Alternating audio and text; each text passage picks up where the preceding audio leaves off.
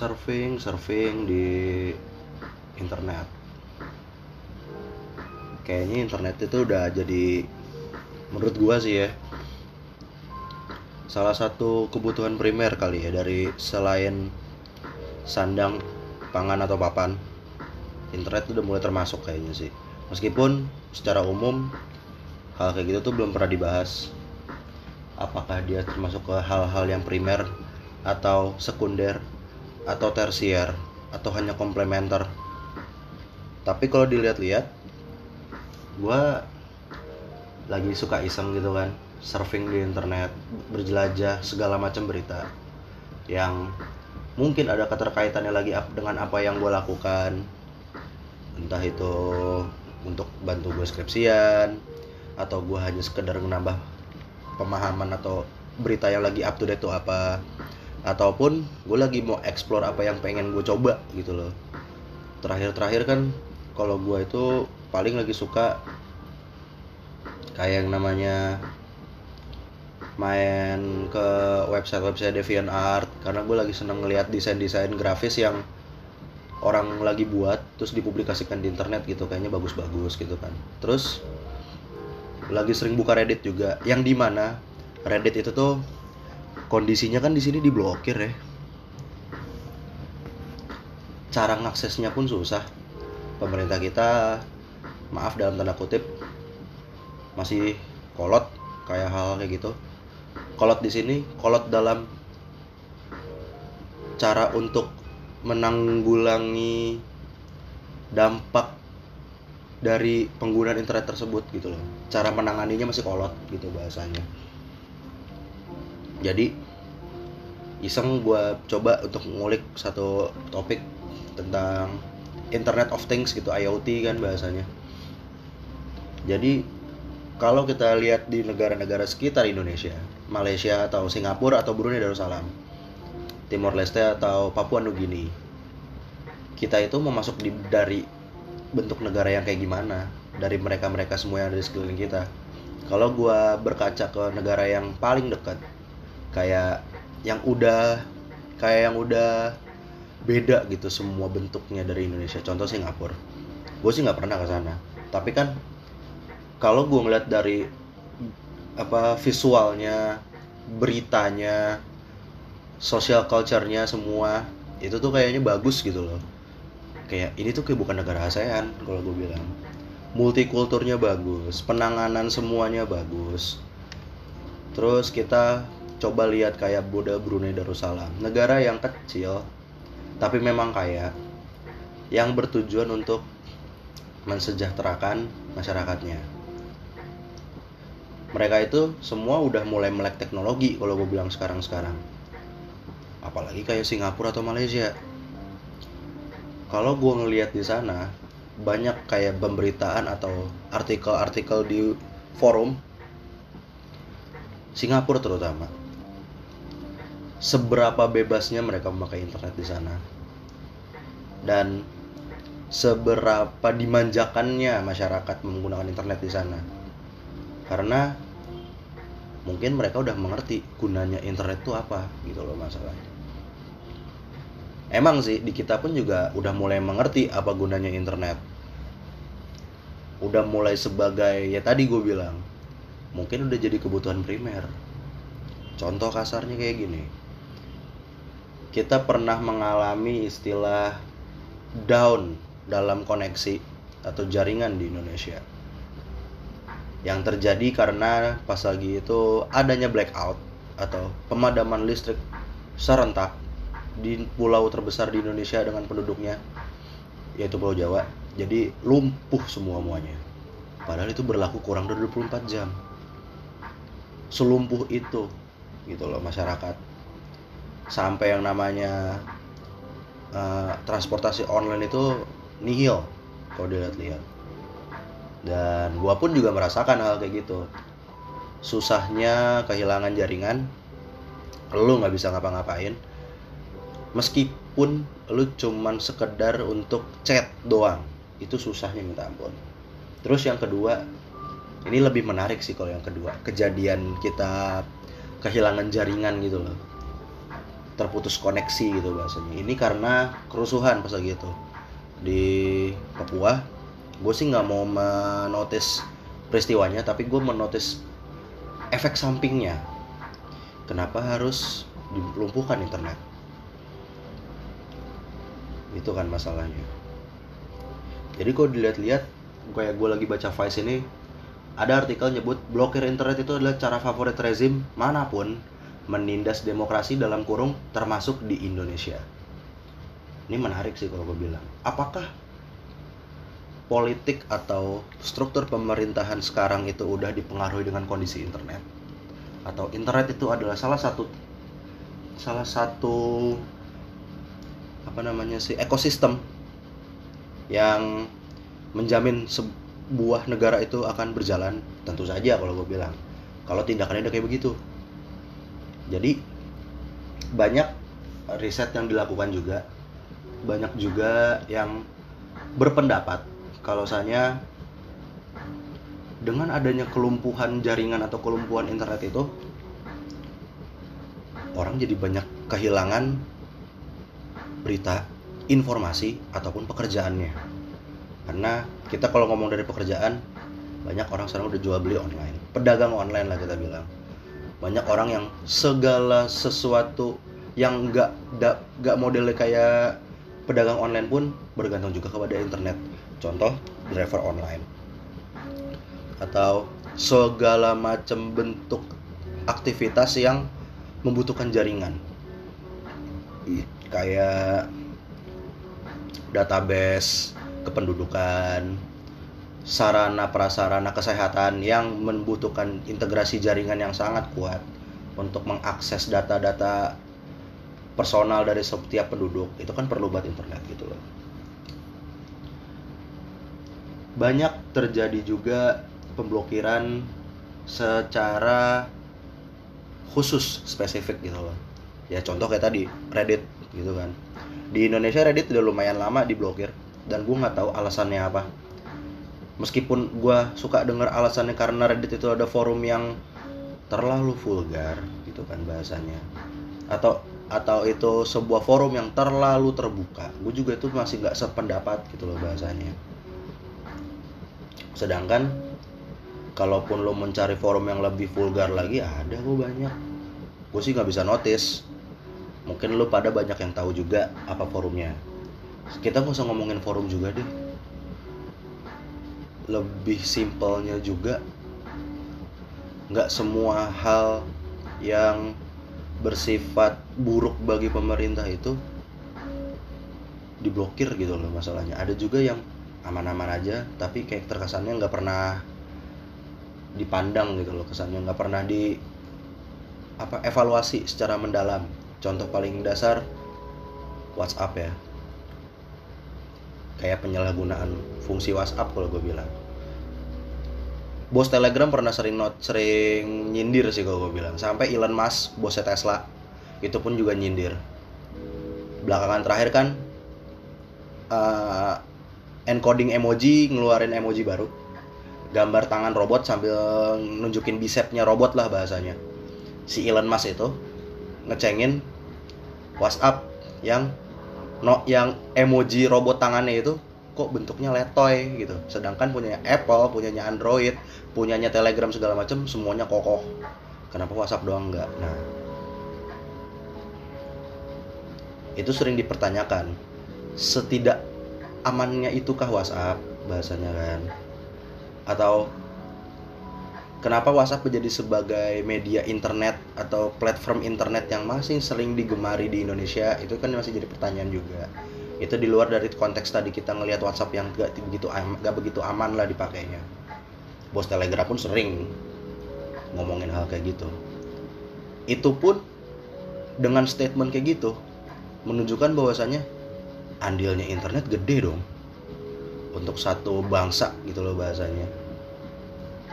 Kita pun juga berkaca gitu kan. Segerilianya orang dalam mengumpulkan masa pasti dengan kebutuhan internet sekarang itu sangat membantu banget. Kalau gue bilang. Jadi kalau internet bener-bener di take down itu orang pasti banyak keluhan dan kesannya kayak ada yang hilang dari struktur hidupnya dia kebiasaannya gitu loh. Terus banyak juga yang ngomong nih device. Vice salah satunya sih Salah satu motif paling mengerikan pada 2019 yaitu untuk menutupi kematian atau pembunuhan dalam aksi demonstrasi. Itu katanya Al Toker, Direktur Organisasi Hak Digital Netblocks.org. Ya kan? Banyak negara yang melakukan hal kayak gitu, pemblokiran internet untuk menutupi isu. Sebegitunya lah, gitu kan. Itu yang pertama dan negaranya pun banyak yang melakukan. Salah satu kasarnya ya Iran.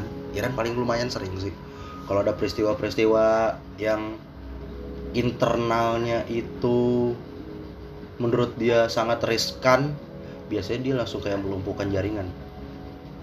Itu sebagai upaya yang keras kalau gue bilang sih. Keras banget. Biar dunia tuh nggak nggak ini nggak begitu tahu. Gitu loh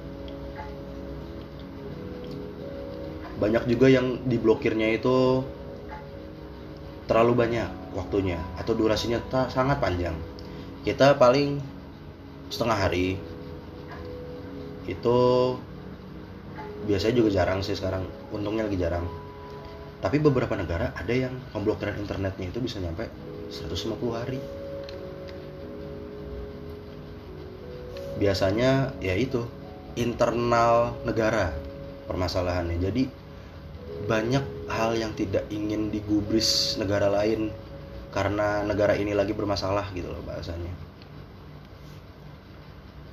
Jadi internet itu tuh sebenarnya kayak media yang hidup yang udah masuk ke struktur-struktur hidup manusia sampai yang unsur terkecil pun. Jadi orang mandangnya sekarang jangan sampai ke blow up, jangan sampai naik ke media internet, media online. Karena penggiringannya online itu entah mengapa secara psikis atau secara bentuk efeknya itu gede banget gitu loh.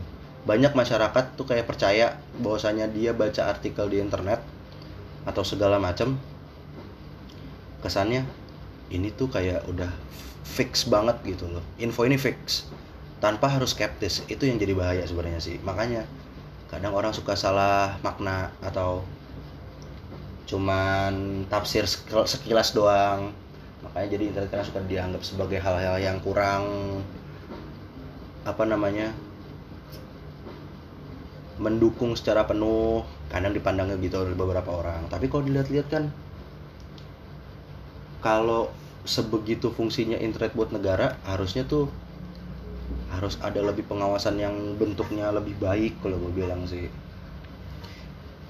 Kenapa kalau lagi ada permasalahan harus internet yang duluan yang dipermasalahkan? Untuk sekarang-sekarang ya kalau gue bilang. Jadi kalau dipikir-pikir bisa dong internet itu sebagai kebutuhan primer bagi setiap orang sekarang. Kalau perlu internet disubsidi uh, pemerintah. Tapi kita nggak usah ngomongin ke sana dulu bahasanya. Kita ngomong di sini terkait udah sebaik apa internet di Indonesia atau jaringan teknologi di Indonesia. Kita pun udah pernah sering ngerasain yang namanya pemblokiran. Dari yang dulu telegram sempet ditutup. Dan bosnya datang ke sini dan membuat promise atau janji bahwasanya kita akan mengikuti regulasi yang ada di Indonesia baik dan beres balik lagi Telegram. Kalau gue bilang itu salah satu hal yang menghambat menghambat kemajuan kalau gue bilang. Kalaupun emang regulasi ingin dijalankan oke okay lah kita negara hukum. Tapi apakah dengan adanya tindakan memblokir itu jadi jawaban? Enggak. Bahasanya tuh kayak gimana ya? Pemblokiran itu tuh nggak sepenuhnya harus dilakukan. Kesannya kayak lo ingin membasmi hama tikus di, di lumbung gandum, tapi lo bakar lumbungnya. lu lu bisa ngilangin tikusnya tapi lu kehilangan juga gandumnya itu tuh dilema Reddit di Indonesia. Reddit itu nggak selamanya jelek. Reddit itu memberikan pedoman bahwasanya ada istilah yang namanya not safe for, for work NSFW disingkat sih biasanya. Itu tuh konten yang secara isi itu age restricted gitu loh bahasanya. Jadi hanya untuk umur-umur tertentu yang bisa menerima hal tersebut. Nah, salahnya di kita memandangnya Reddit itu adalah forum belak-belakan. Forum yang terlalu eksplisit.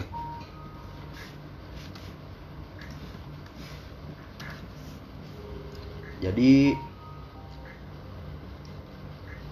maunya instan aja Indonesia itu.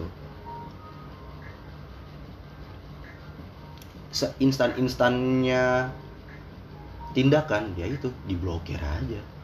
Sebenarnya itu nggak jawaban. Kalau dipikir-pikir.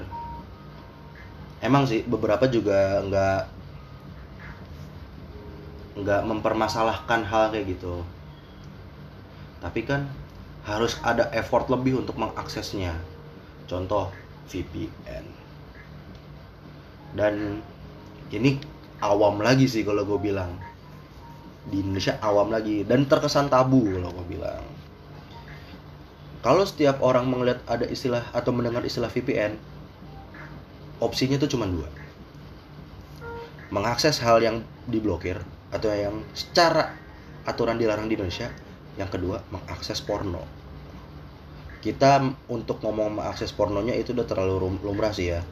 Nah yang jadi permasalahan mengakses hal yang diblokir ini karena ya nggak semuanya diblokir tuh nggak selalu aman. Eh nggak selalu jelek gitu loh bahasanya. Gue tuh masih bingung sendiri kadang kenapa harus memblokir? Kenapa harus menangani hal-hal yang kayak gini gitu loh? Sedangkan yang rootsnya itu tuh belum.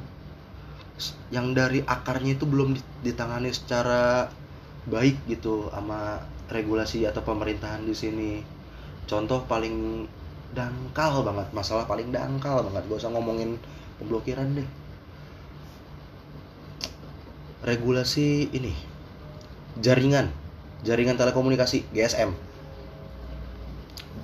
di antara kalian-kalian deh yang mungkin dengerin pasti suka dapat SMS dari provider atau dari nomor yang nggak lu tahu gitu loh. Isinya tuh scam gitu loh hoax gitu atau gimana sih penipuan-penipuan yang kedoknya itu karena kita nggak tahu itu isinya apa dan kultur kebiasaan next next atau oke oke aja di Indonesia itu nggak nggak sepenuhnya dibaca dan cuman oka oke oka oke doang akhirnya kita kena imbasnya. Entah pulsanya kepotong data kita diambil kayak kejadian yang kemarin itu media orang media pers yang kartunya di ambil oleh orang-orang yang nggak dikenal yang nggak bertanggung jawab dengan tujuan jahat menguras rekening.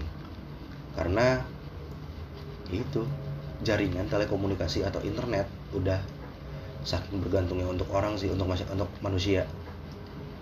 Jadi dengan kita yang udah make fasilitas kayak gitu tapi kita nggak ngerti konsekuensinya apa yang mesti dipegang tanggung jawabnya apa yang mesti dipegang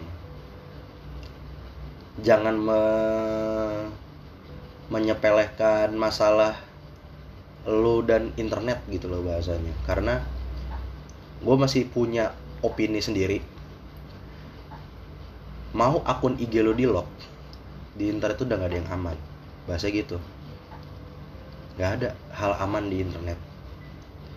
Karena maling aja di dunia nyata gembok aja dibobol gimana internet gembok IG lo di lu punya gembok IG ya dibobol orang bisa. Temen gua banyak kejadian. Tiba-tiba akunnya diakses segala macam dari berbagai tempat. Dan suka chat ke gua caranya gimana? Cara ngebalikinnya gimana? Ini harus bagaimana ABC ABC nah, sebenarnya jujur gue males gitu kan ngomongin hal kayak gitu. Pertama gue bukan orang IT tapi gue hanya ngerti aja gitu caranya gimana. Karena semua orang seharusnya bisa model kayak gua gitu loh. Ngerti gitu. Karena lu tuh kan pasti dikasih terms and conditions so dalam dalam penggunaan internet. Lu harus baca syarat dan ketentuan regulasinya. Apa yang lu dapat dan apa yang lu tanggung sendiri atau apa yang lu bisa dapat haknya dari penyedia jasa atau segala macam hal di internet lu tuh tahu harusnya karena lu harusnya baca terms and condition jangan di accept accept segala macam lah gitu. Lu tahu konsekuensinya. Kalau udah masuk ke ranah-ranah kayak gitu kan terkadang udah hal personal lo ditaruh situ. Orang lain yang nggak lo kenal tuh pengen yang lo nggak mau tahu. Tapi tiba-tiba aku lo diakses orang nah lo panik sendiri gitu loh. Seharusnya tuh ada ada penanganan penanganan dari lo sendiri gitu loh bahasanya karena internet itu udah terlalu ke mana-mana. Jangan terlalu anggapan bahwasanya ah gue udah merasa aman karena gue udah ngebok IG gue dan segala macem. Kan yang nyediain keamanannya pun juga penyedia jasanya kan? Itu yang jadi masalah. Lu percaya sama mereka? Belum tentu. Kita balik ke WhatsApp lagi deh kan WhatsApp masih sering ada berita kalau di luar. Mempublikasikan data personal penggunanya segala macam jebol gimana. Karena ya itu. Lo kalau bergantung sama keamanan dari penyedia jasanya itu sendiri itu hasilnya. Bisa bobol-bobol juga. Data lo diperjualbelikan timbul scamming segala macem gitu loh. Jadi lo boleh mempercayai keamanan internet dari penyedia jasa. Cuma juga lo harus punya tanggung jawab gitu loh. Jangan lo melepas seadanya tuh keamanan ke orang penyedia jasa. Lu juga harus proteksi diri. Contoh two factor authentication. Jadi lo kalau login ke segala macam itu ada ada notifikasi. Entah itu masuk ke email lo atau SMS lo gitu loh atau pakai kode keamanan tambahan. Itu tuh paling paling benar karena udah banyak kejadian kayak gitu. Dan gue herannya itu masih kejadian aja gitu loh. Kayaknya gue bukannya menggurui atau sombong sih. Gue kadang suka mikir gini. Lu kayaknya nggak ngerti apa yang lu pegang ya gitu kan. Lu nggak ngerti apa yang sedang lu gunakan ya. Kok lu tiba-tiba mengeluh dengan apa yang tiba-tiba terjadi sama lu gitu loh bahasanya. Kalau lagi kondisinya contoh akun lu dibajak segala macam dihack orang nah. Seharusnya lu punya ini rasa tanggung jawab diri juga. Gue salah apa ya gitu. Gue kurang di mananya ya. Kok bisa bisa data gue ke mana-mana ya gitu. Nah lo harusnya tuh lebih di situ. Lebih apa sih namanya mempertanyakan hal itu ketimbang lu hanya sekedar mempertanyakan keamanan yang diberikan oleh penyedia jasa. Nah penyedia jasa pun juga kan maunya kan taunya oh gue udah pakai ketentuan untuk mengamankan akun lo kok terserah di lu nya gimana gitu kan. Bahasanya kan gitu. Lain ceritanya kalau seandainya emang lu udah paham segala macam internet gunanya ini ini ini, ini. jangan asal pakai. Itu tuh udah lumayan pegangan lah seenggaknya lu ada data yang teramankan gitu loh. Data tentang lu yang udah teramankan oleh diri lu sendiri gitu loh. Kembali ke internetnya lagi. Pemblokiran itu tahu sih emang kayaknya mm, masih dianggap sebagai senjata pamungkas kalau gue bilang sih. Buat ngontrol semua hal khususnya di Indonesia. Kayaknya udah melenceng dikit diblokir. Ada yang bermasalah dikit downin internetnya. Karena emang segitu keber ketergantungannya sama internet masyarakat Indonesia jadinya begitu. Tapi yang gue heranin kenapa pemerintah selalu melakukan hal-hal yang sama? Kayak nggak ada perkembangan. Contoh kasarnya kita menikmati 4G nggak seenak di luar. Di sini prosesnya lama. Internet di sini seadanya aja. Gitu loh. Dimanfaatkan bagi mereka yang mampu saja. Nggak semuanya bisa. Dan kurangnya penanganan-penanganan yang lebih baik untuk dari segi masuknya informasi dan keterbukaan internet itu sendiri. Terlalu itu mulu gitu yang dilakukan pemblokiran pemblokiran pemblokiran ABC ABC ABC pemblokiran lagi. Gue sempat kayak ngulik-ngulik juga uh, kenapa beberapa website di Indonesia tuh nggak bisa diakses gitu loh di sini gue kayak yang pernah ngulik di Quora Reddit itu digambarkan seperti Kaskus, gitu. Kaskus itu forumnya orang Indonesia.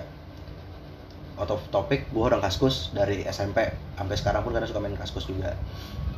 Forum yang berisi berbagai jenis disiplin ilmu pengetahuan, hobi dan sebagainya gitu loh. Nah, berbagai jenis disiplin ilmu pengetahuan, hobi dan lain sebagainya. Itu kan yang digaris besar. Hal-hal baiknya gitu loh. Dan ada forum regional juga kok, forum orang Indonesia. Isinya pun kalau gue bilang agak menurut gua sih ya lucu fun jokes gitu loh tapi lama kelamaan kalau lu nggak biasa sama dark jokes atau segmented jokes lu bisa kesindir ngerinya begitu. Terus kadang suka kalau di Reddit itu ada pertanyaan-pertanyaan yang secara ilmiah atau ada forum-forum tertentu. Tentang permasalahan gue habis masalah ini nih gimana dong ini? Nah forum curhat aja gitu loh. Tapi kalau di kita nih di Quora dikutip nih pemerintah nggak peduli hal-hal yang tadi udah gue sebut. Disiplin ilmu pengetahuan tips and trick regional forum ada problem and solving forum thread segala macam yang baik. Tapi di sini pemerintah cuman melihat Reddit itu ada konten not safe for work udah. Kayak R R pretty girls. R real girls R dash beb erotika. Yang kontennya ya 18 plus ya kalau gue bilang. Pemerintahnya ngeliat itunya aja. Ujung-ujungnya kita ngaksesnya pun susah. Putar otak pakai VPN punya punya VPN disangka yang enggak enggak enggak selamanya begitu kan ada yang ngutip juga di di Quora. Menurut gue menarik juga sih bahasanya. Orang-orang masih suka ngurusin dalam tanda sensor daripada otak. Gitu. Tapi bukan berarti hak pemerintah juga ngurusin privasi orang. Harusnya ngasih edukasi. Jadi edukasinya tuh di luar sana itu masih banyak loh.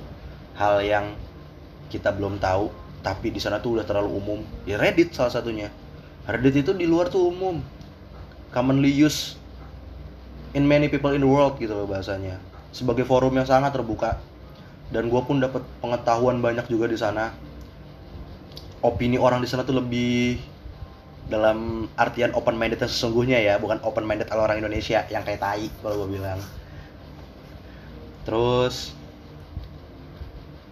dan itu tuh kayak inspirasional juga di Reddit itu. Gue suka aja gitu buka-buka Reddit. Karena bagus. Tapi gue masih mempermasalahkan kenapa orang sini mandangnya masih kayak gitu. Kita diberi kebebasan menggunakan internet. Tapi jeleknya di sini kenapa hal privat masih sering diusik gitu loh. Masalah personal mau mengakses hal yang ilegal terserah. Itu personal. Tapi jangan kebutuhan publik yang baik sampai ikut kena imbasnya juga. Bahasanya gitu loh. Jadi kita pun yang berpikir untuk misalnya gue mau ngakses Reddit gue mau nyari data mau nyari bahan buat keperluan gue yang baik kita harus putar otak dulu cara aksesnya gimana. Kita download ini dulu kita VPN dulu. Hmm, berlangganan dulu VPN paling enggak ngeluarin duit lagi. Jadi kesannya nggak gampang. Kan IoT itu kan lahir karena udah harus memenuhi unsur segala macam tanpa disekat kalau gue bilang. IoT Internet of Things gitu loh. Kenapa harus dipersulit juga di sini? Gitu loh. Gue mikirnya gitu doang.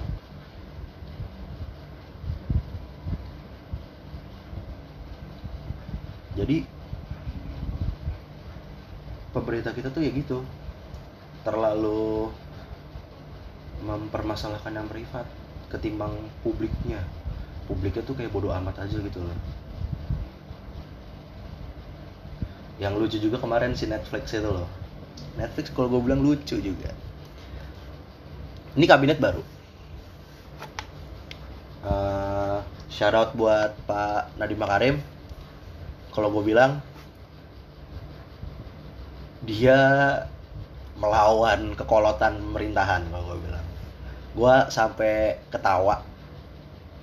Ketawa di sini tuh kayak salut gitu loh keren gitu loh bahasanya. Pak Nadim tuh mikirin bahwasanya Netflix bisa dikerjasama dengan Kemendikbud itu dengan tujuan bisa ada budaya Indonesia yang bisa dapat wadah yang lebih baik memberi edukasi lebih bagi calon sineas untuk dapat pelajaran dari orang-orang talent Netflix yang udah gede namanya. Di satu sisi, Kemenkominfo sebagai orang atau instansi atau aparat sipil yang berhak menangani semua bentuk informasi yang masuk dan komunikasi yang berjalan di Indonesia. Tapi kenapa punya arah pemikirannya beda sama kementerian yang lain? Dia itu dari dulu sih ya. Dari musimnya Netflix itu gaung-gaung karena orang pada nonton Stranger Things uh, sama Sex Education masuk di sini dan Netflix diblokir. Gitu karena nggak sesuai dengan apa yang ada di Indonesia aturan budaya segala macam yang ada di Indonesia. Tapi kalau gue pikir-pikir kayaknya pasti mikirnya ke arah yang sama kalau saat dia ngeblokir Reddit kalau gue bilang. Masalah yang gue sensor tadi gitu loh. Pasti mikir gitu juga pemerintah. Nggak semuanya kan? Ada kok film Indonesia yang masuk ke Netflix dan bagus jadinya. The Night Come For Us. Itu yang main Joe Taslim Iko Wise yang bikin itu siapa sih sutradaranya gue lupa. Ada Zekli juga. Terus ada Dian Sastro. Hana Al Rashid yang di situ keren buat actingnya kalau gue bilang. Dan dia pakai media Netflix untuk memasarkan atau menayangkan filmnya. Itu dia salah satu bukti butuh banget gitu loh Indonesia hal untuk wadah-wadah yang keren kayak gitu. Tapi kenapa masih dipermasalahkan di sini? Kenapa yang selalu jadi permasalahan hal-hal yang tidak baik di internet? Kenapa hanya melihat hal itu saja? Apakah pemerintah kita yang kolot itu masih berpikir jorok berpikir ngeres tentang adanya internet? Kita nggak ngerti gua pun sendiri nggak ngerti. Gua pun masih percaya gitu loh. Karena ke depannya semua tuh bakal bergantung sama internet. AI pun udah mulai masuk ke setiap sendi-sendi kehidupan manusia. Yang di mana ntar internet pun juga yang ada di sana. Kalau gini-gini doang kita nggak bakal beres. Tertinggal tertinggal juga kalau kata kalau kata beberapa orang kita tuh kayak masih hidup di negara bagian kedua. Tapi gaya hidupnya negara bagian pertama. Gaya hidupnya kayak negara maju. Pola pikir negara ber, pola pikir negara berkembang. Masih selalu begitu umumnya emang rada ngawur sih bahasan gue yang ini. Kayak masih ngejalurnya beda. Tapi inti dari bahasan yang gue pengen ungkapin yang sekarang bijak pakai internet. Bijak juga tentang keamanannya. Bijak juga untuk membuat kontennya. Bijak juga untuk membagikan informasinya. Bijak juga untuk memanfaatkannya secara khusus. Harus lebih bijak. Jangan sepihak. Jangan untuk memperkaya diri sendiri dalam hal apa pun. Dan jangan memojokkan orang. Itu doang sih untuk sekarang